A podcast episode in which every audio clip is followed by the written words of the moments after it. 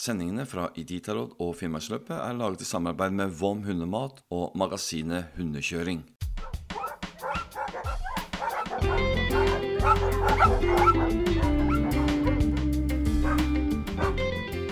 Du lytter nå til Hundepodden, en podkast for deg som elsker hunder.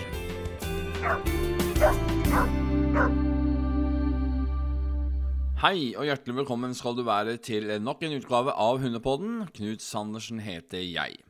I denne sendingen så skal vi snakke om Finnmarksløpet og avslutningen der. Vi skal til Iditarod, og ikke minst, vi skal også innom Norway Trail. Og hvis du lurer på hva det er, ja, så får du følge med videre i denne sendingen.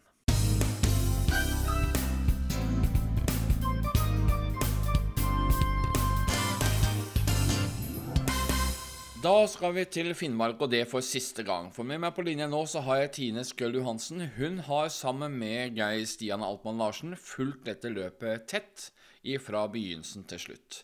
Eh, Tine, nå er du ferdig. Hvordan har du det?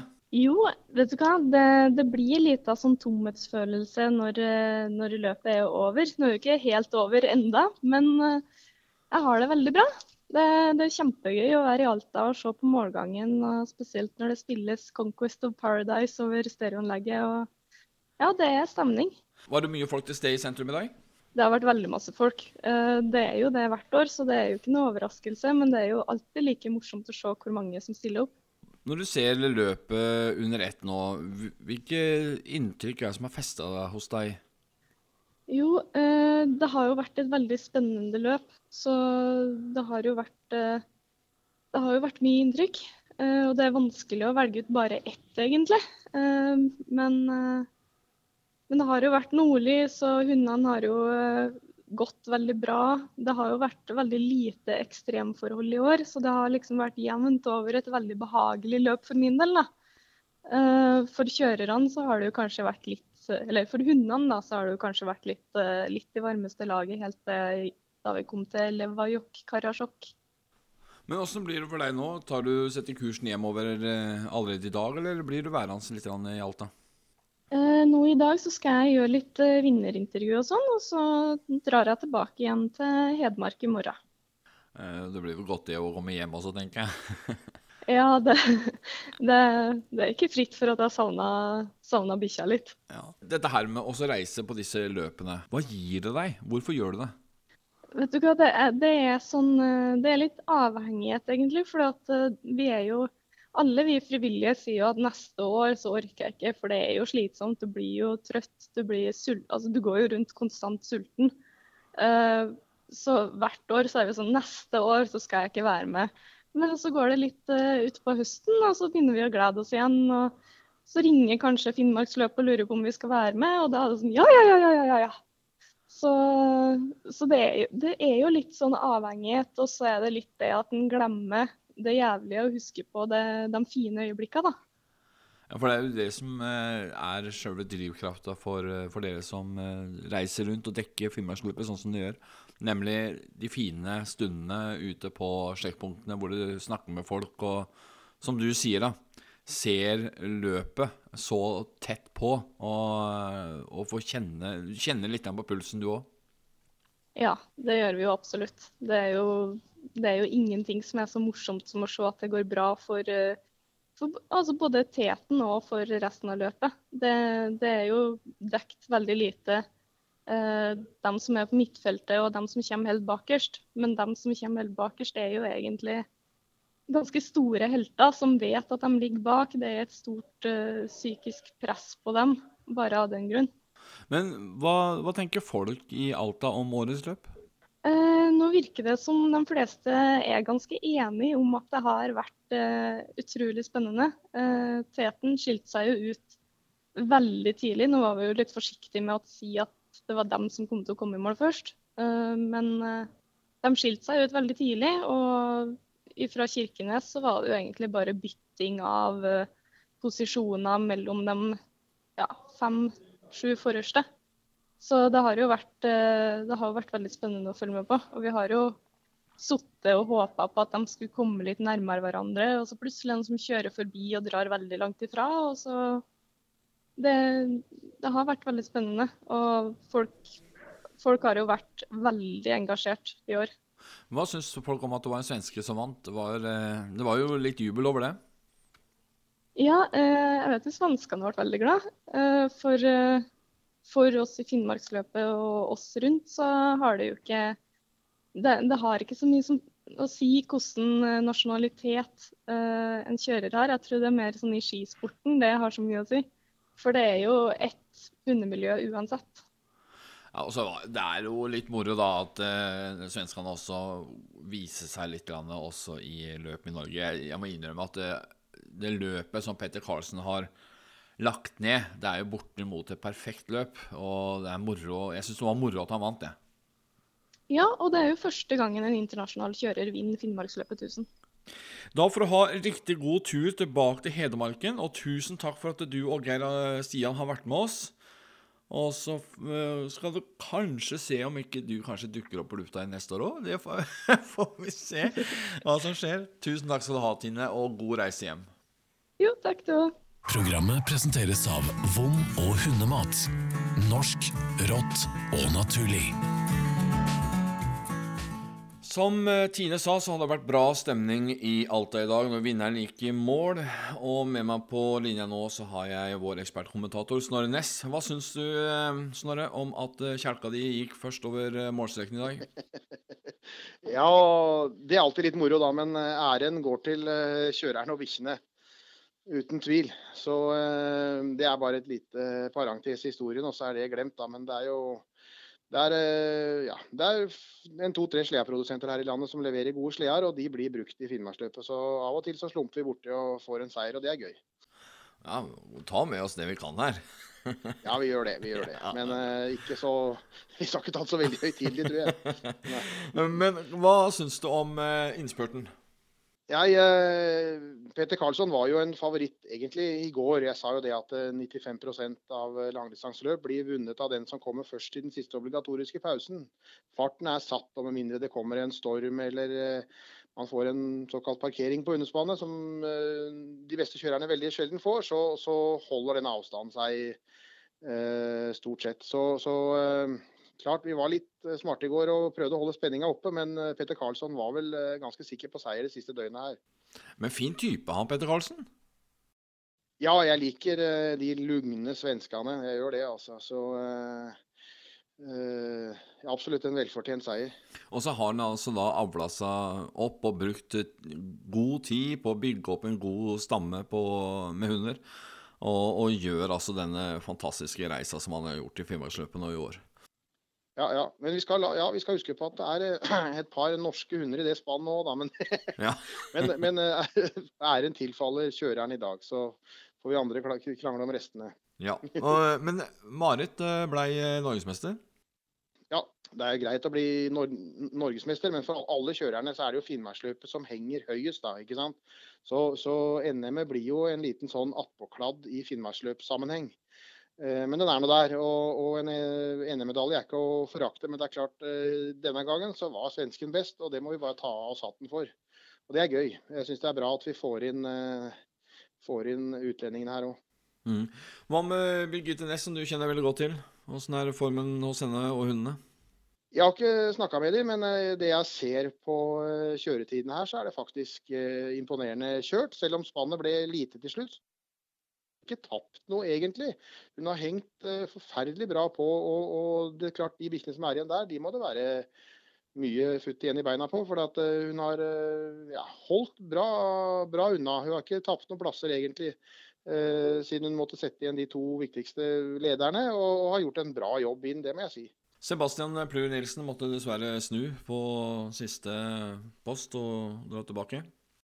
Ja, jeg, jeg, vet jo heller ikke nøyaktig detaljene der, da, men det som er et faktum, det er jo at eh, langdistanse hundekjøring er verdens mest kompliserte idrett. Altså Den involverer eh, så mange emnefelt innen altså, avl, genetikk, treningslære, overlevelse under arktiske forhold, eh, biologi, fysikk, eh, værmelding. Altså, det, det, er, det, er, så mange ting som kan skje her. sånn at Eh, når summen av alt det her Noen ganger så har man stang inn, og noen ganger så har man stang ut. Eh, og, og noen ganger så er det kjøreren som gjør en feilvurdering og må, og må betale for det.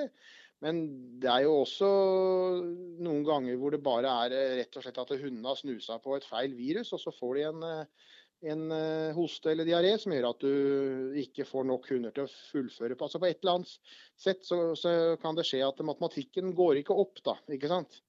Det blir for få hunder igjen i spannet av, av forskjellige grunner, og så må man kaste inn håndkleet av hensyn til hundene. og det, det står det for så vidt eh, respekt av. Jeg syns Sebastian gjorde en veldig bra jobb og imponerte lenge. Jeg, jeg, jeg forbausa hvor, hvor, hvor bra han kjørte. Altså. Men så ja, er det stang ut på Karasjok. og eh, All respekt for det, men eh, sånn er det noen ganger, altså. Mm.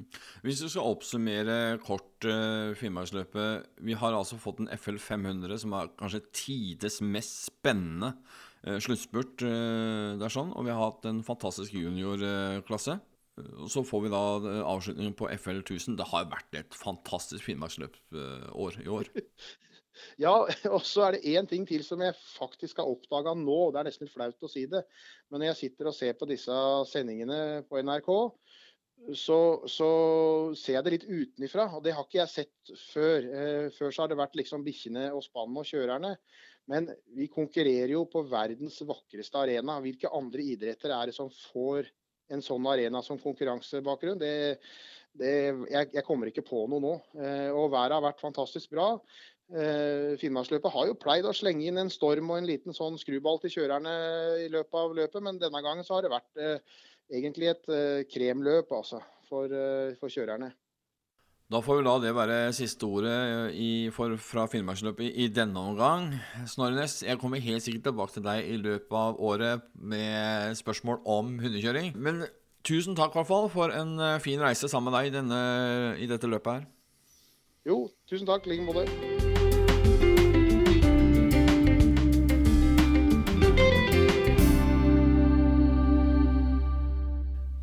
Det er ikke bare Finnmarksløpet og Iditarod som pågår i disse dager. For eh, på Beitostølen denne helga så er det nemlig innspurten på Norway Trail. Og jeg har tatt kontakt med Roy Storli, han er pressesjef for eh, arrangementet.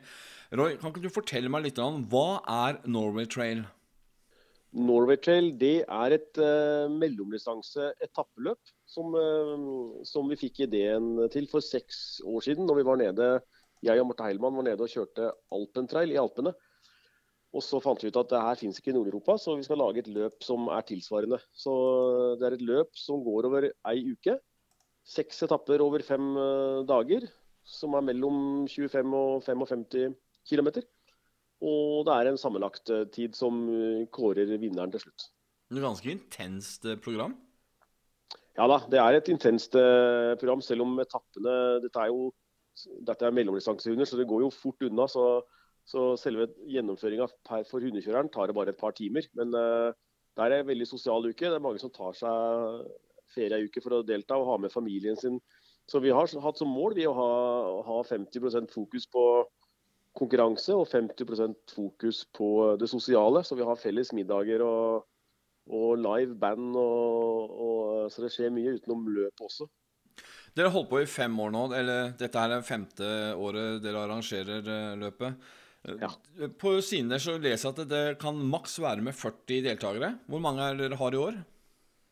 Vi har, eh, vi har Hvert år så har vi faktisk hatt 40 på, påmeldte. og så er det sånn i hundesport at når det nærmer seg, så er det noen får litt syke hunder, og noen har trent litt feil, og noen har ikke hatt bra forhold. Så vi har litt sånn avsig etter hvert, da.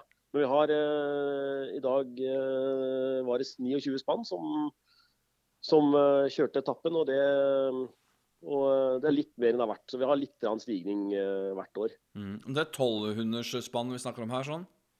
Ja, vi har i reglementet vårt så har vi, vi skiller oss litt ut ifra For vi har bare én klasse. Vi har mange, mange hundeløp er delt i veldig mange klasser så, som blir veldig små. Så er det veldig lett å, å vinne en medalje, men vi har bare én klasse. Og så har vi veldig fleksibelt regelverk, sånn at vi har eh, De kan melde seg på med en pool på tolv hunder, og, og, to hundekjørere, faktisk. Så velger de sjøl om de vil kjøre alle tolv hundene hver dag, eller om de vil bruke seks hver dag, eller åtte og bytte ut litt hver dag. Styrer dem sjøl. Og så kan de melde seg på to hundekjørere, fordi vi så at det var mange det er veldig mange som samarbeider for å greie å drive med hundekjøring. Og så er det veldig mange samboerpar som driver med det. Og de krangler om hvem som skal få kjøre de kuleste løpa. Så eh, vi åpner opp for at, eh, for at eh, begge kan delta. Så de bare melder på på morgenen hvem av dem som skal kjøre dagens etappe. Så, så det er sånn duo de kan melde seg på som duo.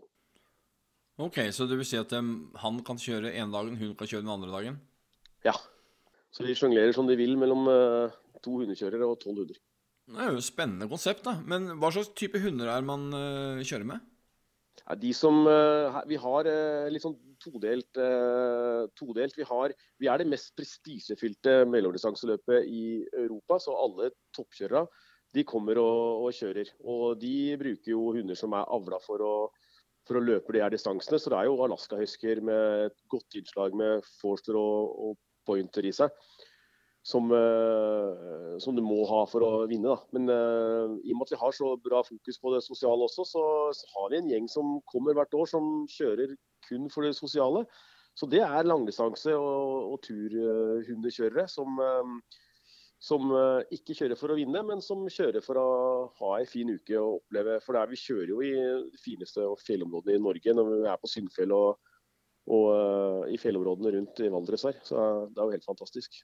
Men jeg ser jo det på startlista at det er jo både tyskere, og det er svensker her, og det er spanjoler og en sveitser også, ser jeg. Dere klarer å trekke til det bra med utlendinger? Ja da, vi har hatt det helt fra tidenes morgen. Vi fikk jo, I og med at vi fikk ideen i Alpentrail, så fikk vi reklamert en del for løpet der nede.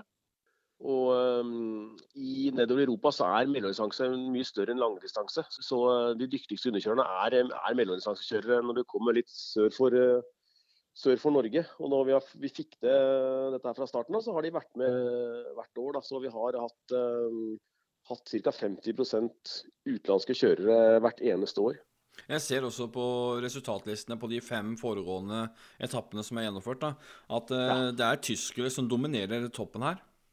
Ja, det er tyskere som uh, gjør det. Altså, det er uh, utrolig imponerende hvordan de trener. Og, og de, det som skiller litt, er de som, de som driver mellomdistanse i, i, sørover i Europa, de, har, de henter kunnskapen sin fra sprint og det er nok lurt. Og mens mange av de som driver i Norge, de henter kunnskapen sin fra langdistanse. Så de, de, får nok litt for lite trøkk i, og fart i, i spanna sine.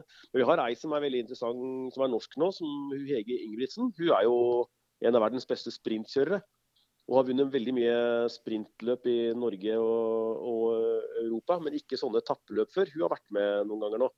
Og i dag så fikk hun tredjeplassen og kjørte i tider som var veldig nære tyskerne. Så hun, eh, hun tror jeg kommer til å kunne stå øverst på pallen i Norway Trail eh, med litt mer erfaring. Hva er det som venter av premie på Hva er det som venter av premie til vinnerne? Det er uh, Førstepremien det er en Danler uh, hundeslede fra Danler Sleddogs. Og så er det Intersport på Beitostølen som stiller med, med premier, de store premiene til andre- og tredjeplass. Og så er det gavepremier fra Vom og hundemat, Hundekjørebutikken, Aeco, eh, Nonstop og Dog Vitality, som er de største bidragsyterne våre. Så har vi jo selvfølgelig eh, hvert år har vi en standard eh, keramikk fra Valdres-keramikken, som eh, er pokalen. da. Hvis folk har lyst til å se både kjørere og hunder i aksjon, hvor skal de møte opp i, i morgen?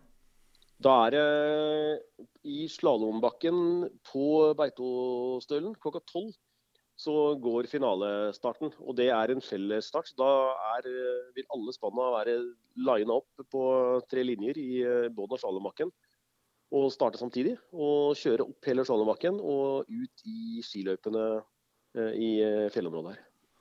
Da ønsker jeg lykke til, og så ber jeg folk som hører på, som er i Beitostølen, da vet dere hva dere har å gjøre på lørdagen.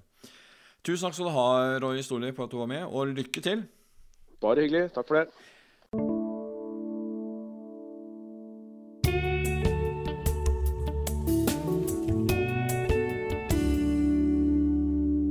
Iditarod er i full gang, og ikke bare er i full gang, men nå begynner for alvor å bli utrolig spennende. Thomas Werner, du er med oss?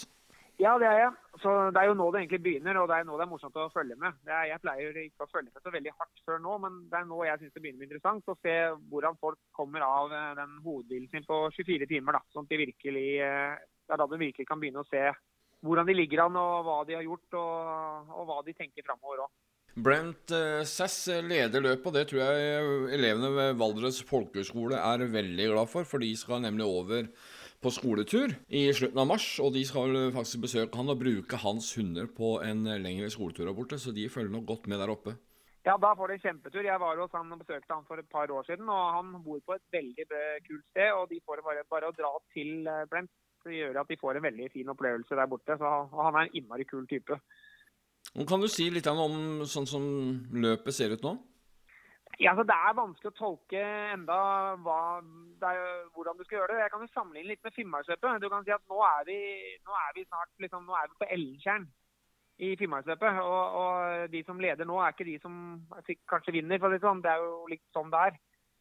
Så, så, det er fortsatt langt til. Men det som hvis du begynner å se på de norske nå, så kan du begynne å sammenligne litt med f.eks. Dallas Seaway, som lå og hvilte likt med Robert, men dro ut faktisk ganske mange timer før. Og har faktisk en ledelse på, på en del av de norske. Så, eh, så, det er jo fortsatt veldig tidlig. Og det er jo de kjøreplanene som har vært fram til nå. Hvor mye er det det ta altså mye, har det, mye har det å kjøre opp til den hovedvillen. Og har du vilt for mye, har du vilt for lite, har du vilt passe? Altså Det er jo alle de tingene, elementene som dukker opp nå.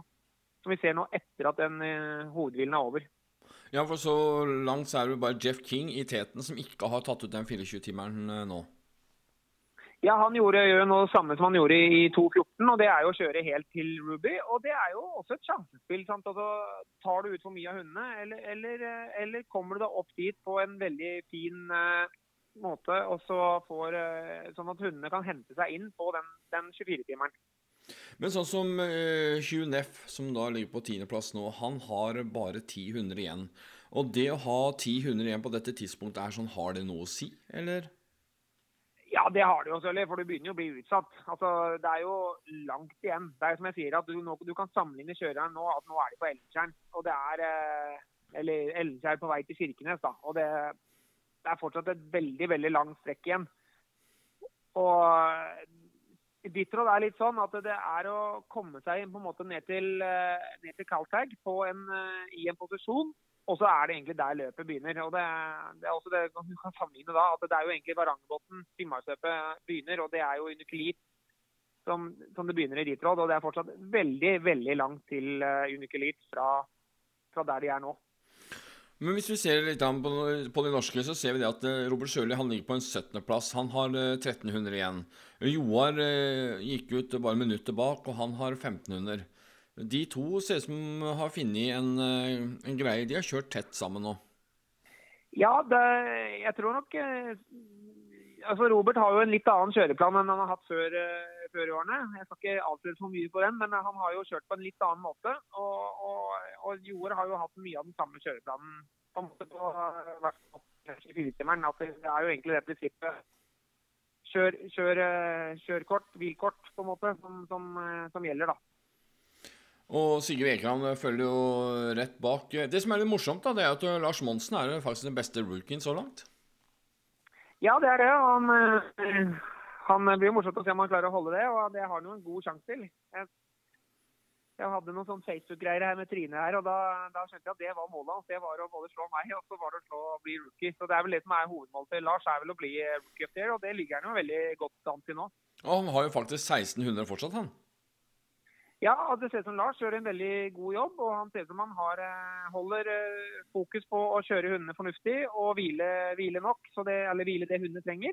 Så, så, han har en mulighet absolutt til å der. Men han har jo da det Dallas Seaway-spannet som Geir eh, Ida kjører, rett bak seg. Så, så, det blir nok en kamp om den rookie-plassen der, altså. Ja, Det er jo gøy at det er to nordmenn da, som ligger og fighter om den. Ja, det er veldig moro. Det er veldig moro å følge med at det er så mange nordmenn. Det er jo nesten som det er et norgesmesterskap der borte, vet du. Ja, og de sa jo det på forhånd, at de var faktisk litt bekymra for eh, at det var så mange nordmenn med. Ja, jeg tror nok at de alaskakjørerne syns altså Jeg tror det er veldig bra for løpet dit, men jeg tror nok at det er mange som tenker at nå, de, nå blir det mye penger som går til Norge. Så, sånn er det. Ja, noe må vi jo få inn inntekter på nå som olja begynner å utebli her. Eh, Kjetil Reitan, vi må ta med han. Eh, han kjører riktignok for USA, men, men, han tror jeg sliter nå. Han, altså, han ligger på 23.-plass, men han har bare 900 igjen. Ja, jeg må jo si at når du kommer ned på et så lite antall så tidlig, så, så må jeg si at da da er du egentlig snart over i en survival-modus og må begynne å hvile mye og, og sikre at du kommer til, eh, kommer til mål. Men det er fem stykker som har brutt eh, så langt. Eh, Hvor mange er vanlige bryter i løpet av hele Iditarod? Nei, det er jo i forhold til de løpene vi har i Norge, så er det jo egentlig ganske få som bryter, bryter dette her. Nå er det jo en del utfordringer i år med, med litt lite snø og litt vann og litt forskjellig. Så det og sleder som går i stykker og sånne ting. Så det er jo mange grunner til å, til å bryte. Men eh, det er jo, sånn er langdistansen. Du ser jo det. Det er jo i Finnmarksløpet òg. Det er jo folk som bryter veldig, veldig sent i løpet der òg. Men jeg ser at vi har enkelte deltakere som faktisk eh, fortsatt ligger på Nikolai. Er det noen som er med i dette her sånn kun for å fullføre, som ikke er med i en del av konkurransen? Ja, det er det absolutt. De fleste som kjører, eh, som kjører etter løpet, er jo de som skal fullføre. Som har som mål å komme seg til, komme seg til, eh, til Nålen på en god måte. Hva tror du vi vil kunne se nå framover eh, de nærmeste dagene? Jeg vil si at den plasseringen de norske ligger på, de norske, både Sigrid og Joar og, og, og Ralf og Robert, så har den ingenting å si egentlig nå. Altså, du, ser, du ser noen tendenser at han, eh, at han Dallas hadde jo en god ledelse ut for de norske ut fra Cripple og tok 24-timeren sin derfra. Men, eh, men den henter man, henter man fort inn. og jeg vil jo si at Nå er jo transportetappen over. Nå kommer den mellomfasen av løpet hvor du er på en måte nødt til å posisjonere deg opp mot spurten. Det er jo den som begynner nå, og nå er jo da da skjer jo mye. Det er jo bare å kutte litt hvile eller kjøre litt fortere på noen strekk, så har du jo tatt inn ganske, ganske mye på folk som kjører litt saktere. På standingsen som eh, ligger på nettet, eh, så står en kolonne som står åtte timer på. Hva betyr den? Nei, Det betyr at eh, langs Yukon nå, altså nå herfra der de er nå og ned til Kaltag, så er de nødt til å ta ut en åtte timers obligatorisk hvile. Og Det er jo den siste hvilen før White Mountain som du får en lang hvile på hundene. Så kan si, Når du kjører ut fra den hovedhvilen nå- på 24 timer, så har du egentlig bare en åtte timers lang hvil, og så har du en åtte timer til i White Mountain. Og Det er på en måte det som er lange hviler. Resten er tre til fem timers hviler. Disse løpene her sånn, hviler ofte utafor sporet. Er det mye taktikk nå? Altså det som er Fordelene i ditt råd er jo at eh, det er jo veldig mange sjekkpunkt. Så du har jo muligheten til å kjøre gjennom sjekkpunkt og legge deg på sporet og lure litt. og så de ikke andre helt vet hvor det er hen. Men jeg tror fortsatt nå så er kjørerne helt på sin egen kjøreplan. Og det er veldig få som endrer kjøreplanen sin egentlig før de kommer på kysten. Nå kjører de på det de har tro på og har satt opp eh, etter sine egne hunder. Selvfølgelig Folk justerer jo kjøreplanen med at de har problemer, eller at, eh, eller at banen går enda bedre enn de trodde. da. Da får vi se hvordan det her går framover. Eh, Vi tar kontakt med deg, Thomas, eh, over helga, vi. Eh, Tid regner man at de er i mål. Nei, det er jo ca. åtte-ni døgn, så det, det går en stund til. ja. Så vi har mange fine dager med å følge med på nettet. Denne her Insider, har du testa ut den? Ja, den er veldig fin, den. altså Den anbefaler jeg absolutt for de som har lyst til å følge med. De er veldig, i ditt råd har et veldig godt crew som er ute og filmer. og Det er jo den også vi bruker i teamet til Robert da, for å få informasjon. For eh, Så har vi noen kontakter der borte, men eh, det er jo absolutt å anbefale å gå inn på ditt råd Insider og betale det. Det er ikke så mye, 150 kroner eller noe annet som du må betale for å få tilgang. Og det, Da får du også veldig mye mer tilgang om kjørerne, hvordan de kjører og sånne ting.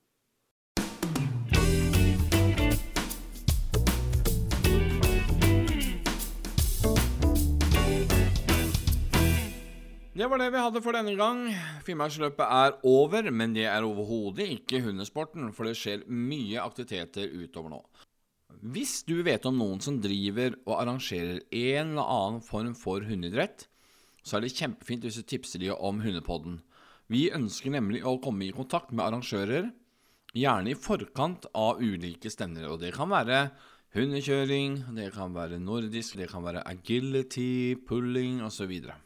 Alle former for hundesport er vi interessert i å vite mer om. Du kan be de å gå inn på Hundepodden, eller du kan også tipse dem om å sende en e-post til post at hundepodden.no. Den samme adressa kan du bruke hvis du har eh, forslag til tema som vi kan ta opp, eh, gjester vi burde intervjue osv. Alle sånne innspill er vi kjempetakknemlige for. Målet med hele podkasten er å bygge opp en sending som er spennende for alle som er opptatt av et aktivt hundeliv. Ta vare på deg selv, ta vare på hunden din, ta vare på hverandre. Så høres vi snart igjen. Hei så lenge.